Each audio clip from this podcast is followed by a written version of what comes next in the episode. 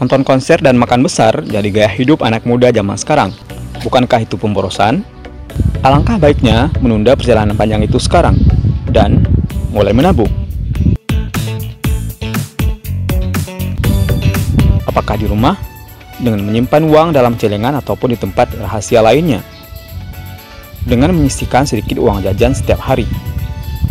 Atau di bank sebagai investasi masa depan.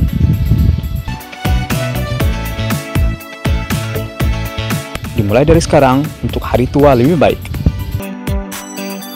Follow juga akun Instagram @ojkindonesia ya untuk informasi lebih lanjut.